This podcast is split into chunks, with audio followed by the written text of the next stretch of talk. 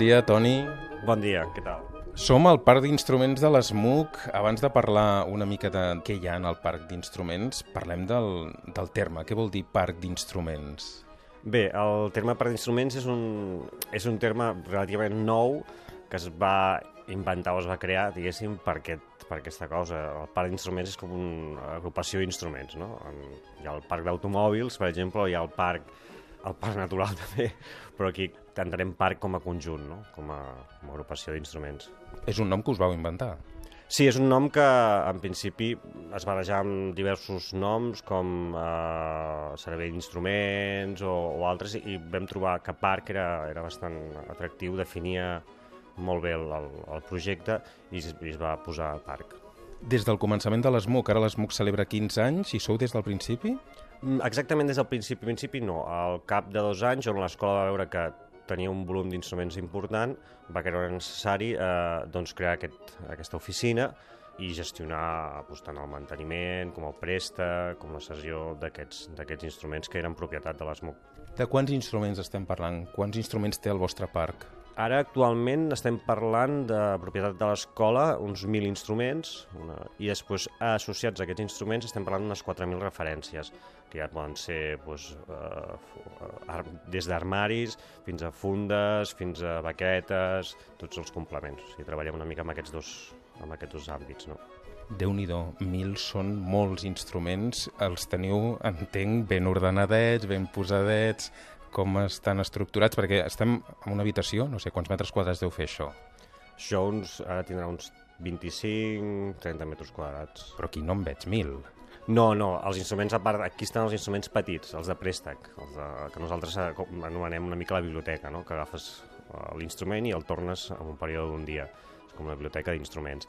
Però després tens els, no sé, 80 i escaig, 80 pianos que tenim distribuïts a les aules, les, les quatre marimbes, els vuit clavicèmbals, els, els tres fortepianos, tots aquests instruments també vam sumant, i el que fa augmentar molt aquest nombre és la percussió. La percussió, quan té molta petita percussió, doncs un cròtal és un instrument, i per tant el, el qualifiquem així. Llavors doncs, en tenim, no sé, no sé 40 cròtals o, 5, o, o 50 cròtals. Clar, això va pujar el, el, el nombre de les arpes i són instruments localitzats als espais, els espais que nosaltres diem espais instrumentals, com l'orga, per exemple. L'orga l'aula d'orga, si no hi fos l'orga, mm, seria un espai completament diferent. És l'aula d'orga perquè té l'orga. Clar, són 15 anys de l'escola, més o menys uns 15 anys que fa que funcioneu, els instruments es van deteriorant, a més a més, en un lloc com és una escola superior de música s'utilitzen molt, això fa que s'hagin de substituir, adquirir-ne de nous, com funciona aquest procés? Ara mateix, eh, per, per adquirir un instrument, hi ha dos processos, o substituir un instrument que ja existeix, que ja està dotat per l'assignatura, o, o bé adquirir un nou instrument. Uh, ara fa poc doncs, vam adquirir una, un acordió cromàtic i el procés és molt senzill. El professor fa la petició, amb l'aprovació del departament, uh, es valora aquesta petició i si hi ha um, pressupost doncs, uh, es fa l'adquisició. Aquest instrument ja passa directament a ser gestionat pel parc. Ara actualment el que estem fent per la substitució estem aportant un, un model eh, que és el model de la subhasta. El model de la subhasta què vol dir? Que nosaltres eh, traiem un rendiment d'aquell instrument que, que se'n va. Avancem una mica la seva jubilació perquè no estiguem en un estat ja, diguéssim, quasi per de mort instrumental i llavors el que fem el salvem, el posem a, a la venda per un preu molt raonable, amb la qual cosa també afavorim que algú que no pot comprar un instrument d'aquestes característiques el pugui comprar i el que passa és que bueno, recuperem una part de la inversió. Amb aquesta recuperació de la part de la inversió intentem comprar el, el, el nou. Després també donem una, un final digne uh, en aquest instrument, no? es jubila més que mora, diguéssim, a un particular que el pot continuar gaudint. Conec el cas d'apadrinar un piano. Uh, a part del piano, ho heu fet amb algun altre instrument? No, uh, actualment... Bueno, sí, hem fet amb, amb percussió ho hem fet, amb percussió amb marimbes, uh, un xilo i a Padrina, diguéssim, és el, el projecte estrella, diguéssim, que és el, el que realment s'ha comprovat que això, aquest sistema funciona, no? perquè estem aconseguint recuperar un, uh, aproximadament un 25% del valor que l'administració va, va fer, augmentem el ritme de renovació de l'instrument, cosa que fa que el qui el compra el té encara en millors condicions, o sigui que compra un instrument de subhasta més nou, i després també fa que aquests instruments no ocupin espai i augmentin el manteniment. Per exemple, un instrument vell eh, amb problemes d'ajust o estabilitat requereix molt manteniment.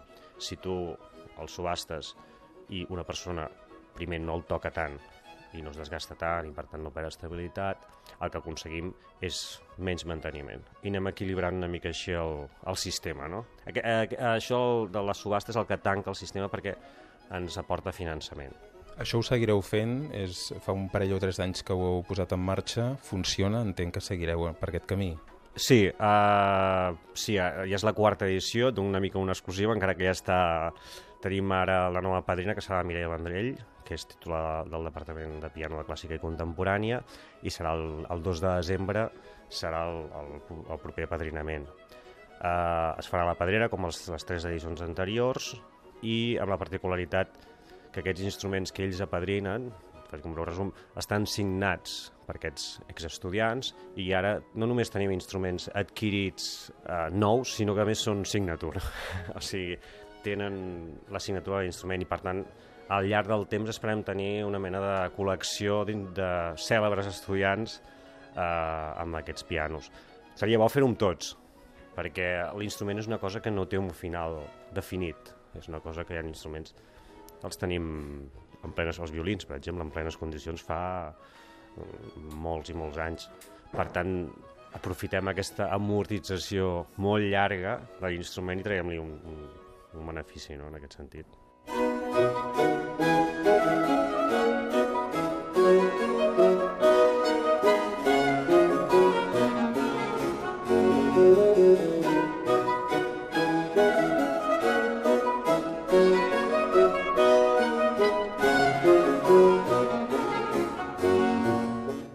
Parlat d'adquisicions, però si ens està escoltant algú que tingui un instrument i digui jo vull que aquest instrument el facin servir estudiants de música, el pot portar? Sí, eh, aviam, el tema del... Nosaltres els diguem eh, l'adquisició, dins de l'adquisició tenim, obrim dues línies. Una és la donació, o sigui, com a escola i fundació acceptem donacions, però aquestes donacions han de tenir un interès, un interès acadèmic eh, l'instrument ha de tenir un cert nivell i els professors i el departament ha d'acceptar aquesta donació per dir que tindrem utilitat per tenir instruments aquí mobilitzats, acumulant-se, és el que dèiem del manteniment, augmentem el manteniment. Uh, de tota manera, el que estem també és intentant vehicular aquestes donacions que potser no acceptem i, eh, per exemple, ens passa moltes vegades que ens donen instruments antics o, ens don, i, i ho reconduïm cap al museu o si no cap a, a iniciatives com la Fundació ARC o que són escoles de música, que també... Llavors estem intentant fer una, una mica aquesta funció de reconducció. Això en quant a la donació. Tenim instruments, tenim un piano erar que ens, no ens l'ha donat perquè ens l'ha cedit. Tenim la donació, que és una donació pura, o sigui, ens dona l'escola, i després tenim la cessió. Tu tens un instrument a casa, el pots cedir a l'ESMUC durant un període, mínim d'un any, per un projecte. Nosaltres ens fem càrrec de l'assegurança i del manteniment de l'instrument així aquell instrument no està agafant pols a casa i té una utilitat. Serien les, dos, les altres dues línies d'adquisició. Una de les vostres, no sé si diu obsessions, però una de les vostres lluites és fer-vos visibles, que no sigui un espai eh, opac, sinó que tant pels alumnes de dins com per la gent de fora sàpiga que existiu i en aquest sentit tenir una pàgina web, sou a les xarxes socials, aquest interès per donar-vos a conèixer? Sí, aviam, el Pan Instruments en principi va néixer com una cosa molt interna de treball, quasi de màquines, no? I, però vam veure que a través dels projectes que anàvem desenvolupant doncs requerien d'una certa mm, difusió, no? I llavors vam crear les dues xarxes socials, el Twitter i el, i el Facebook, i després tenim una pàgina web que forma part de l'estructura general de l'escola, i amb això intentem doncs, eh, difondre els, els projectes com a padrina, a vegades eh, també intentem fer activitats com les mostres d'instruments o intentem aportar la nostra experiència, que ja de 15 anys en la gestió i el manteniment d'instruments musicals, a les iniciatives que puguin venir d'associacions, de... Ara s'estan posant molt associacions d'instruments, no? Llavors els donem suport, ens venen a veure, els expliquem. Penseu que l'avantatge de tenir tots els instruments reunits, vius, diguéssim, eh, igual que els museus tenen els instruments que alguns es poden utilitzar però n'hi ha altres que no, seria una mica com un museu d'instruments vius, no? I llavors el fet de, de que algun tècnic, per exemple, volgués aprendre com es reparen tots els instruments de vent, l'escola seria un lloc ideal. Per què? Perquè els té. Llavors, en aquest, en aquest sentit, es podrien crear cursos de formació i tot això requereix al final d'una visibilitat. I el que passa que tampoc estem desenvolupant molt aquest sector perquè la, la màquina interna ens requereix pràcticament tot el, tot el temps.